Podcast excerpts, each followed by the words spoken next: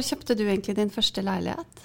Ja, du, jeg kjøpte min første leilighet rett etter studiene. Det var jo egentlig sånn første store kjøpet jeg gjorde, kjente jeg. Og det var veldig alvorlig og fulgte så stort ansvar. Og fikk første boliglån. Gjorde du også det når du kjøpte din første leilighet? Jeg kjøpte egentlig aldri leilighet. Jeg flyttet egentlig bare rett inn til min samboer. Ah, du valgte den varianten, du? Ja. Men uh, fikk du noe hjelp hjemmefra, eller? Jeg fikk hjelp som så mange andre, altså. Jeg må innrømme det. Mm. Ja, for det er ikke lett å komme inn i dagens boligmarked uten hjelp fra foreldrene. Og det er veldig mange foreldre som ønsker å hjelpe til. Men hvordan gjør man dette på best mulig måte? Og det er det som er temaet for dagens pod. Og her sitter jeg, Ingunn Streyer-Schmidt, eh, leder for eh, content og innhold content og PR i formuesforvaltning. Og så er det mm, som vanlig så har jeg med meg deg, Aleksander. Ja, jeg heter fortsatt Alexander Heiberg og ansvar for planning og formuesforvaltning. Mm. Alexander, dette med, ja, som jeg sa, dette er jo et tema som angår mange. Mm. Ja, det er, det er, jo et boligmarked som har vært ganske hett. Nå er det kanskje noe tyder på at korona har avkjølt det litt, eller kanskje andre ting, men det har vært hett. Og det er jeg tror, ganske vanskelig å komme inn på boligmarkedet, særlig i de store byene, uten hjelp. Jeg tror jeg så en eller annen undersøkelse som sa at det var mellom syv og ti, eller syv av ti får hjelp i en eller annen form for å kjøpe sin eh, bolig. Så er det jo litt ulikt hvordan, da. Ja, det er nettopp det, og det er jo det vi skal snakke om i dag. Og med oss eh, i studio i dag så har vi vår eminente skatteekspert Tore Fritsch. Velkommen tilbake til Arvepodden, Tore. Ja, takk for det. Du, eh, vi tenkte å lage opp dagens episode slik at vi snakker oss gjennom de ulike alternativene. Og så skal du komme med en anbefaling til slutt. Så da kjører vi løs. Vi starter eh, Som sagt så er det jo flere ulike alternativer når man skal hjelpe barn inn i boligmarkedet. Og vi tenkte å starte da med utgangspunktet at barna skal eie leiligheten selv. Og hva er fordelen med det, Tore? Altså det å eie sin egen bolig ikke låne foreldrenes, gir jo en formuesmessig fordel. For at den som bebor en bolig som man eier, har en primærbolig, det kjenner vi fra skattemeldingen, som har en langt lavere formuesverdi enn den eh, boligen som noen leier ut, som er en sekundærbolig. Eh, sånn at hvis foreldrene hadde eid boligen, så hadde foreldrene hatt en sekundærbolig med en høy formuesverdi. Når det er barna som eier, Altså har barna en lav formuesverdi på denne boligen, primærboligen. Og I tillegg så har vel kanskje ofte foreldrene formue, men det er jo ikke alltid at, eh, at eh, poden eller datteren har eh, formue i samme grad. Nei, og der skal man passe litt på når man er i gang å hjelpe barna. For det er en del barn som får hjelp ganske tidlig.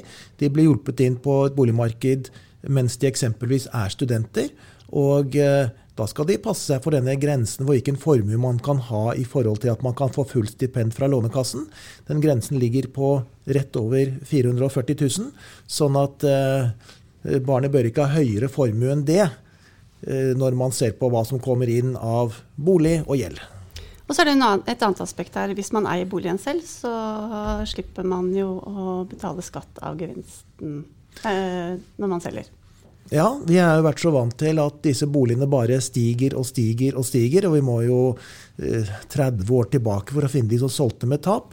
Men med forutsetningen at man kjøper bolig, og det at denne skal gi en positiv avkastning, når det er en del av forutsetningen, ja, så er det jo veldig fint at man at det er eier som bor der, oppfyller vilkårene for å kunne selge skattefritt, nemlig at man har bodd der i mer enn 12 av de siste 24 månedene, og er i posisjon til å kunne få slik gevinst ut skattefritt. Det er jo en av de liksom, litt sånn uh positive skattereglene som vi har i Norge, og som mange tror jeg er veldig bevisst. Er det noe du tenker at eh, vi kommer til å se at vi nyter godt av i fremtiden, også med en ny regjering? Jeg ser vel ikke for meg at den regelen kommer til å bli endret. Nå vet man aldri med politikere, men uh, altså den gangen vi hadde strengere regler med salg av boligen, skal vi helt tilbake til 1987 til. Og, og, den gang kunne man få et betinget skattefritak. For vi kan jo ikke ha det slik at folk som bygger seg opp, som får sin første bolig og reinvesterer i neste, at de skal skatte av verdiøkningen hver gang eh, de selger. Altså Sånn har vi aldri hatt det. Eh, i, i, i, min, eh, I, min, tid i hvert fall. Den begynner å bli nokså lang. Sånn at eh, jeg ser ikke for meg en endring der som gjør at man må skatte av hver gang man skal, si, skal flytte. Nei. Men så er det da sånn at uh, hvis man da ikke har noe formue, hvis man, uh, som gjelder for de fleste, da, man har ikke noe egenkapital, Så hvordan eh, Altså som barn, da, som skal kjøpe leilighet, eh, så er det jo da mulighet for foreldre å hjelpe til. Og da kan de jo enten eh, få lån, eller man kan stille som eh, kansjonist for den egenkapitalen som barna eventuelt mangler. Det er vel 15% egenkapital. Ja, men Man går i banken, og så sier banken at dette er fint, men eh, det holder eh, ikke helt. Du tjener ikke nok penger eller har ikke Nei. nok sikkerhet, så her får du gå hjem til mor og far. Ja. Og um, hva er liksom fordelene og ulempene med å stille eh, et lån eller gi et kausjonist til et barn? Eh, Først et veldig godt råd til foreldrene. De skal være klar over eh, ved å låne penger ut til barn, eller ved å stille kausjon eller pant for barn, eh, så tar de en risiko. Det hender, det er sjelden, men det hender at barnet kommer i en sånn situasjon at de ikke er i stand til å gjøre opp for seg. Sånn at man skal være veldig bevisst på hvor mye kan jeg bidra med i et worst case. Det er jo veldig klart hvis man, hvis man gir en gave, så har man overført et beløp. Det er det, er det man har gitt bort. Når man eh, låner penger til barnet, eller stiller en kausjon for barnet, så har man liksom tenkt seg at dette skal jeg få tilbake. Og så må man vite hva hvis jeg ikke får det tilbake. Så foreldrene, vær bevisst på hva kan du faktisk bidra med? Hvilken risiko føler du at du tar? Og, og, ja. Jeg, jeg tror kanskje vi bare vi, vi rydder i litt eh, eksemplene her. fordi at uh, vi snakker jo om kausjon. Kausjon, det vil jo si at hvis jeg stiller kausjon for min sønns boligkjøp når han går i banken og skal ta opp lån, så er det sånn at da kan eh, banken, hvis han eh, ikke evner eller vil gjøre opp for seg, så kan banken snu seg, så kan de gå på meg, og så må jeg gjøre opp istedenfor. Det er liksom kausjon. Og da har du vel ansvaret for hele lånet? Ja, Det kan være litt begrensninger, men, men la oss ta det som et utgangspunkt. da. Og da, så da, da er det sånn at Så lenge han gjør opp for seg, så er alt helt supert. Eh, Men hvis han ikke gjør det, så går banken, kan banken gå på meg. Og så er det et alternativ vi har snakket om. Det er jo pant. Og det vil si at for å få nok sikkerhet, så syns banken at det blir litt eh, snaut med det som eh, fins i den leiligheten f.eks. sønnen min skal kjøpe. Og da sier de at da vil jeg ha pant i boligen som, som jeg som forelder har i tillegg. Så får de mer sikkerhet. Og igjen er det kun dersom det ikke lar seg gjøre å gjøre opp eh, at sønnen min ikke betaler for seg, ja, så kan de komme og si at da vil vi realisere det pantet. Vi vil rett og slett uh, ha ut penger. Og det blir jo selvfølgelig litt uh, tuklete hvis det er en uh, pant i min bolig. Så, så da er vi inne på det Tore sier, at vi, vi må jo tenke hvilken risiko løper vi med det. Det høres veldig greit ut å bare stille en kausjon eller stille et pant, eller sånt, men, men det kan jo faktisk bli en realitet. Det er derfor banken vil ha dette. Så forskjellen på kausjon og pant er egentlig at pant, da har man tatt ut et pant i boligen, mens kausjon kan egentlig bare være Hvis man har form, eller penger tilgjengelig, så kan man egentlig bare si at jeg skal jeg vil dekke dette, men man har ikke tatt ut pant i noen eiendommer. I praksis så er det kanskje ikke så forskjell, fordi banken vil gå til meg og si at ja, men nå må du gjøre opp, ellers så kommer vi til å gjøre det pantet gjeldende, eller vi gjør det kausjonsansvaret gjeldende. Og så hvis jeg sier nei, så vil de gå og ta pant i eiendommen min på en kausjon, og de vil realisere, men, men det, er, det er egentlig liksom to forskjellige ting. Det, to form, form, det formelle er forskjellig. Formelle er Ja. Ja, da um, har vi vel egentlig slått fast det, at det er en risiko. eh, og som du, Tore, et veldig godt poeng som du, Tore, tar opp, eh, at da kan man jo i praksis bli tvunget til å gi et større beløp enn det man egentlig hadde tenkt, hvis man stiller kausjon for hele lånebeløpet. Da, da kan det, det bli litt uavklart. Ja. Og, og hvis noen syns dette er litt sånn komplisert, så er det faktisk sånn at banken har en plikt til å gjøre deg som kausjonist eh, kjent med hva dette innebærer. Så, så man skal få god veiledning av banken før man stiller kausjon eller pant til fordel for andre på den måten.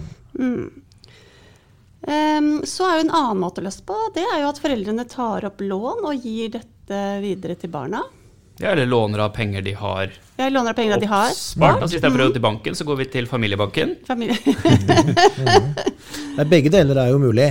Og uh, igjen skal foreldrene stille seg det spørsmålet kommer barnet til å betale tilbake disse pengene. Altså Jeg ser en del tilfeller hvor foreldre har lånt penger til barn, eh, og så går det et par år, og så finner du ut at eh, det er, ikke, det er ikke så lett for barn å betale tilbake. Det er ikke nødvendig at barnet betaler tilbake. Sånn at hvis man har tenkt å gi et gavebeløp, gi det gjerne med en gang, for da tar du toppen av foreldrenes formue. Eh, ikke ha en fordring gående i fem-seks år, for så å ettergi den. Det kan være et greit råd. Og I mange tilfeller ser vi at det kan være en blanding. Man får dels et gavebeløp og dels et ytre lån. Og som det da er forutsetningen at det skal betales tilbake på. Eh, igjen så er det da sånn at hvis dette er eh, et barn som er i arbeidet, så vil dette renteelementet, altså om barnet betaler rente til foreldrene eller til banken, eh, barnet får fradrag uansett. Og den foreldrene som mottar renter, eh, ja, de må betale inntektsskatt på de rentene som de mottar. Men det er en vanlig kombinasjon. Litt grann gave, litt grann lån. Og så låner barnet resten i banken. Eh, men er det sånn at um, det er en viss rente følge, Som forelder må man følge bankrenten her for å på en måte oppfylle noen spesielle krav, eller kan man sette hvilken rente man vil? Slik det er i dag, når vi ikke har noe arveavgift, så vil det ikke være noe problem med at foreldrene gir barna et rentefritt lån. Hvis vi skulle få gjeninnført en arveavgift, så ligger det et gaveelement i et rentefritt lån. Men det gaveelementet, hvis ikke lånet er veldig stort, så er det såpass lite at det kommer ikke til eller Det ville normalt ikke vært særlig større enn det som var det årlige fribeløpet da vi hadde arveavgift. Men som sagt, med et høyere rentenivå, men gjeninnføre arveavgift, da kan dette endre seg. Mm. Oppover, da? Ja, Det er eh, veldig sjelden at foreldre legger inn ågerrente til sine barn. Så eh, det er veldig uvanlig. Da får heller barnet gå i banken enn å bli utnyttet av sine foreldre. Ja, men, det, men, det, er klart at man skal være bevisst på det du var innom i sted, at, at, det er jo en inntekt som foreldrene vil ha hvis du setter den for høyt. Så det, det er jo ikke sikkert at det Det verste må jo være hvis barnet ikke får noe fradrag for det, og foreldrene må få lov å, å inntektsbeskatte den eh, renta. Så det er vel kanskje ikke uavhengig av om du er god med barna dine, noen sånn kjempegod idé å ta for høy rente, heller? Eh, det, er, det har jeg hittil aldri sett, at foreldrene har tatt altfor høy rente. Men det du er inne på, er ganske riktig. at for at barna skal ha nytte av et rentefradrag, så må de ha skattepliktig netto inntekt. Og f.eks. hvis man hjelper barn i en studiesituasjon med bolig, eh, så kan barnet ha en inntekt på en 70 000-80 000 kroner uten at de har noe nytte av et rentefradrag. og Det henger sammen med at man først får et minstefradrag, og så har man et fribeløp. og Da kommer altså en eventuell renteutgift ikke til fradrag i inntekt som du skatter av. Så, så det er, eh, er det rente, så vil det for partene uh, først, uh, først, være si, nøytralt når renten som barna betaler, kommer til fradrag i skattepliktig mm. inntekt. Og I mange tilfeller så beregner foreldrene da ingen rente de første par årene. Man går jo ofte til mor og far og låner fordi at mor og far er litt greiere kreditorer enn eh, en banken er. Absolutt. Så det, jeg, jeg, følger deg på at kanskje at det, er, det er sjelden vi ser renter over bankrenten på, på, den type lån. Du, Nå skal vi over til alternativet der mor og far er medeier i avkommets leilighet. da. At uh, man deler kanskje på eierskapet, eller at mor og far står og eier uh, og låner ut leiligheten. Ja, altså, Grunnen til at vi har mange alternativer, er jo fordi at hvis mor og far skal hjelpe ett barn, og de har flere, så må de jo tenke hvordan skal vi gjøre det? Vi kan ikke hjelpe alle barna med en helt, helt, hel leilighet. Eh, vi kan hjelpe dem litt, og så ønsker gjerne foreldrene å ha en likebehandling. Og da får man veldig mange sånne tilfeller hvor mor og far sier at ja, vi kan hjelpe deg med en del av, eh, av dette. Og så får du den kombinasjonen at mor og far står dels som eiere, eller at mor og far har som du sier, lånt inn en del penger. Jeg tror det er en kombinasjon her også at noen er jo opptatt av at nå er det faktisk når du kjøper en bolig, hvis du skal eie en egen bolig, så ja, da er det på tide med litt økonomisk eh, barneoppdragelse også. Slik at vi, du får rett og slett liksom ha et lån, og du skal liksom kjenne litt på det. Mm. Men vi kan hjelpe deg, vi kan kanskje eie det sammen, f.eks. Eh, absolutt en, eh, en, mulighet. Men da er vi tilbake til det som var innom et sted. Altså Skal barnet være i posisjon til å kunne selge skattefritt? Fordi at dette er første boligen, og første boligen er jo gjerne en midlertidig bolig. Man skal ha den for en periode to til fem år, altså eksempelvis. Og det er klart at Hvis dette er en bolig som har steget i verdi, så vil det jo være en fordel at dette er en gevinst som barnet selv kan få ut skattefritt. For har du en bolig som eies med en halvpart av barna, halvpart av foreldrene, så har den steget et par hundre tusen. Ja, foreldrene må skatte av sin gevinst. Og da eh, syns jeg ofte det er bedre at eh, barna står som, eller barnet står som eier av hele boligen, og så heller skylder sine foreldre den andelen som er deres for å være i posisjon til å kunne selge med skattefri gevinst. Og så får jeg bare håpe at, eh, at boligene fortsetter å utvikle seg positivt. Altså igjen, Går vi 30 år tilbake, så var problemet hvordan får man fradrag for tapet. Mm. Men det er jo en del etter hvert som Jeg er helt enig i det, Tore. Og det er, når det står og skal vi gjøre valget og hvem skal eie når vi kjøper nytt, men så er det jo en del som faktisk har allerede da, kjøpt en ekstra leilighet som de leier ut, eller altså gjort investeringer, rett og slett. Og så sitter mm. man med en, en, leilighet som man tenker ja, øh, skal jeg rett og slett la barna mine bo der og betale en, en eh, leie til meg, eller skal jeg bo der gratis?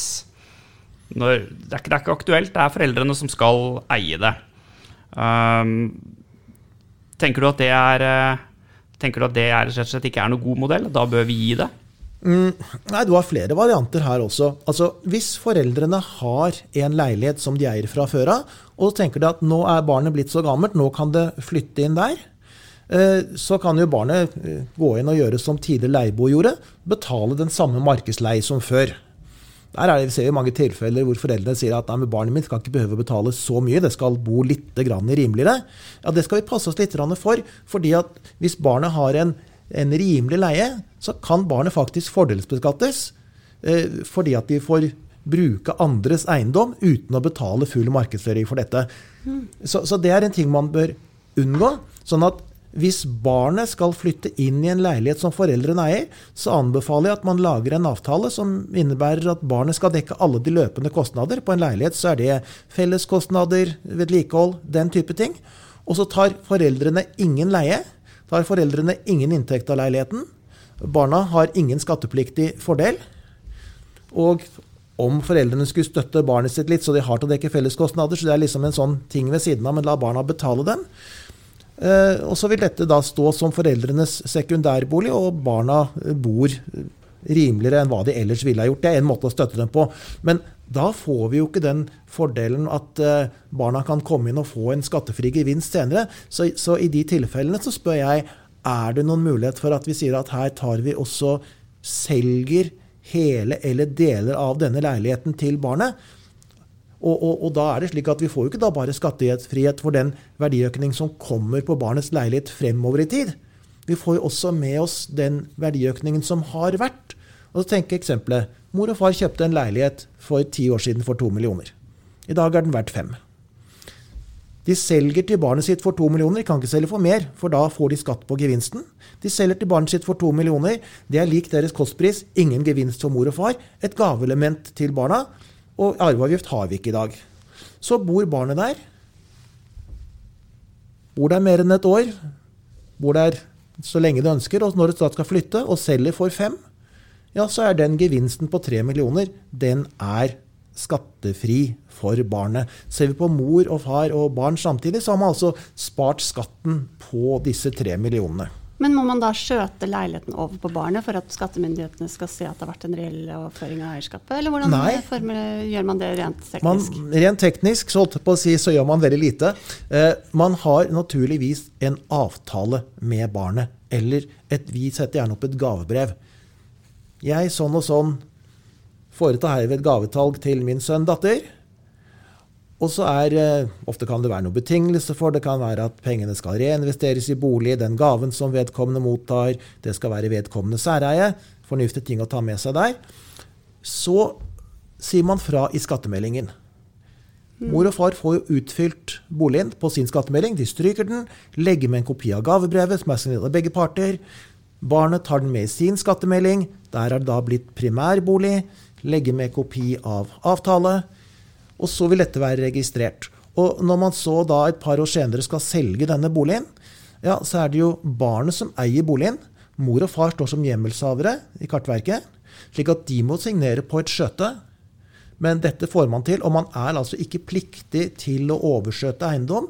Og i forhold til nær familie så, så hadde det vært veldig dumt å tatt en kostnad på drøye 100 000 kroner, som egentlig er helt unødvendig når dette skal selges i løpet av relativt kort tid. Ja, og da er det jo, Når eh, dette blir solgt i fremtiden, så er det jo den nye kjøperen da, som får regningen på det. Det er helt riktig, som ved ethvert eierskifte. Altså, du kan la hjemmel stå igjen hos familien din. Mm. Men den som, kjøper, eh, den som kjøper en eiendom som vi eide, Alexander, tar ikke sjansen på å la den bli stående på oss. Nei, og da, da, er vi Vi har jo vært innom det i en annen pod når vi snakket litt om, om hytter, tror jeg. Eh, mm. Hvor dette med Hva er risikoen med at noen andre Altså at, at hjemmelshaver og den som eier, ikke er samme. Og det er jo selvfølgelig en risiko for at kanskje i dette tilfellet foreldrene, da, som vil stå som hjemmelshaver, kan ta opp noe pant og annen moro, men, men, i de fleste tilfeller så er det vel, går vel bekymringer oftere på barnas utsvevende økonomiske liv enn på foreldrenes. Men det ja. kan vel tenkes. Men du Tore, eh, eh, vi snakket litt om, bare liksom for å følge opp eh, det vi begynte litt med, dette med, med skatt og endring på på hva som kan komme av ny regjering. Vi snakket litt om dette med gevinst. Men når vi var litt innom dette, hva tenker du rundt formuesskatt, da? Ja, det er, altså, man kan si det er vanskelig å ikke ha den krystallkulen og vite hva som kommer om et par uker, men er det en ting som vi er sikre på, er det jo at vi kommer til å ha høyere formuesskatt eh, i 22 enn vi har for 21. Det er vel det er blant ting, ting som jeg er veldig, veldig sikker på. Uh, og uh, altså jeg syns det er aldeles glimrende de tilfeller man kan overføre en bolig som foreldrene eier, til barn. Og så ser vi tilfeller hvor foreldrene har én bolig som de eier, men de kan ikke gi den til ett barn. Eh, fordi at de har flere, og de, har liksom ikke, de kan ikke gi en, til alle. Og, og, da ser vi tilfeller hvor vi gjør dette sånn delvis. Jeg har sett tilfeller hvor det eldste barnet har flyttet inn i en bolig, uh, fått en halvpart eller en tredel. Så kommer det neste og flytter inn der, og kjøper da den tredelen eller halvparten til førstemann. Og så bor barna seg igjennom, og så får de ut sin andel av den gevinsten som lå der. Som skattemessig bokollektiv, er det det du driver og strukturerer? Ikke, ikke, samtidig, men sånn, eh, sånn eh, litt etter hvert. Så, så, eh, man må se på hva, hva har foreldrene å gi bort, og så ta det rett og slett derifra. Men du Tore, hva er den beste modellen? Hva tenker du? Hva... Ja, nå skal ikke jeg utelukke at noen kan ha en bedre modell, men det man har gjort selv, og, og er eh, ganske fornøyd med, det kan jo være et eksempel til etterfølgelse for andre. Eh, jeg har to døtre, og for en del år siden så kjøpte jeg én leilighet. Og så flyttet min eldste datter og hennes samboer, nå ektemann, flyttet inn i denne leiligheten. Eh, den sto da med en halvpart på meg og en halvpart på henne. Og så måtte hun skylde meg litt penger, for jeg kunne ikke gi bort en så stor gave. Um, og da fikk hun tidlig med den effekten at altså, hun i Hun disponerte den leiligheten, eide en del av den, lånte resten uten å betale noe for det, dekket alle kostnader. Så fikk hun skattefrie leieinntekter fra sin samboer. De pengene brukte hun til å nedbetale gjeld til meg, så hun ble jo stadig rikere. Så hun hadde en veldig god deal her. Samboeren ikke like, eller? Ja, jeg tror ikke samboeren kom så dårlig ut av dette, han heller. Men, eh, men, eh, men han eh, fra samboeren? far, far, far, far er skatteadvokat, så han har sagt at dette er lurt for oss. Hun bygget i hvert fall opp egenkapital på den måten under sin studietid. Og så har denne boligen steget en del, nå har gått et par år.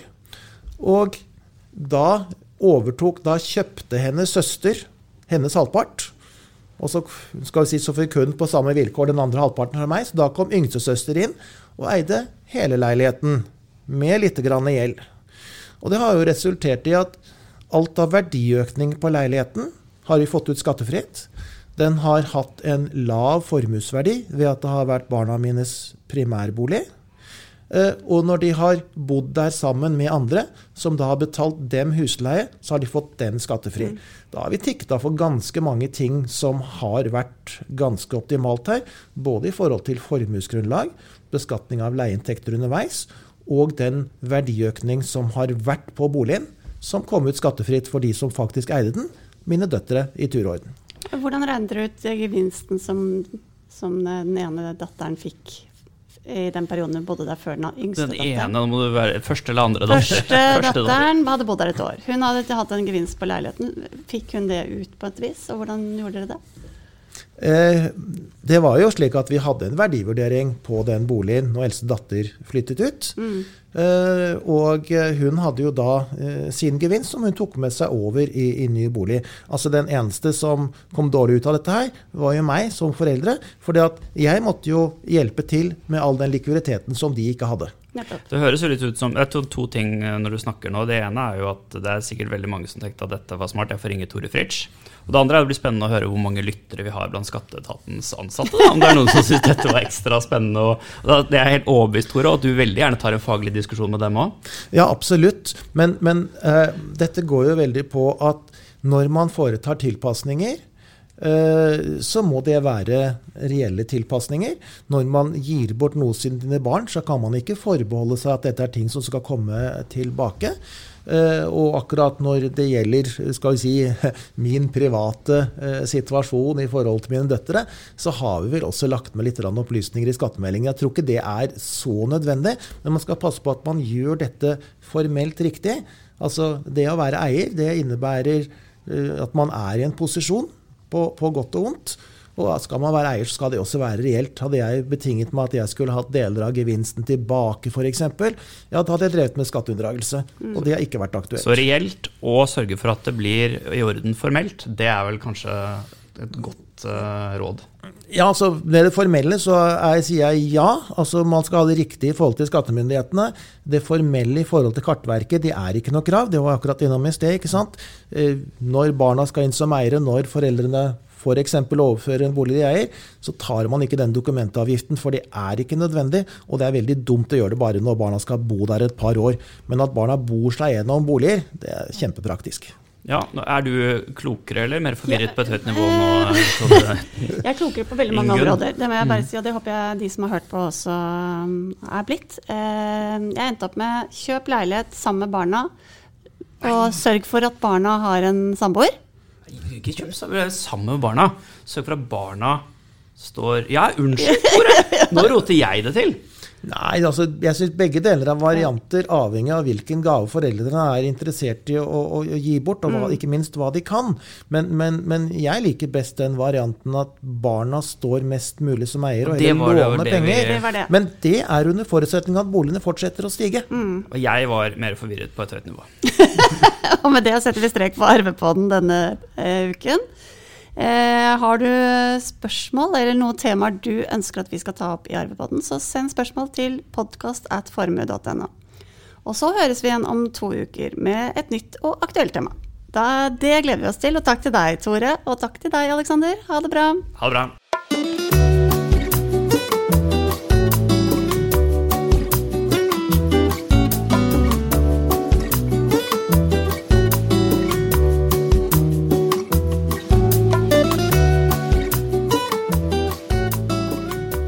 Podkast fra Formuesforvaltning.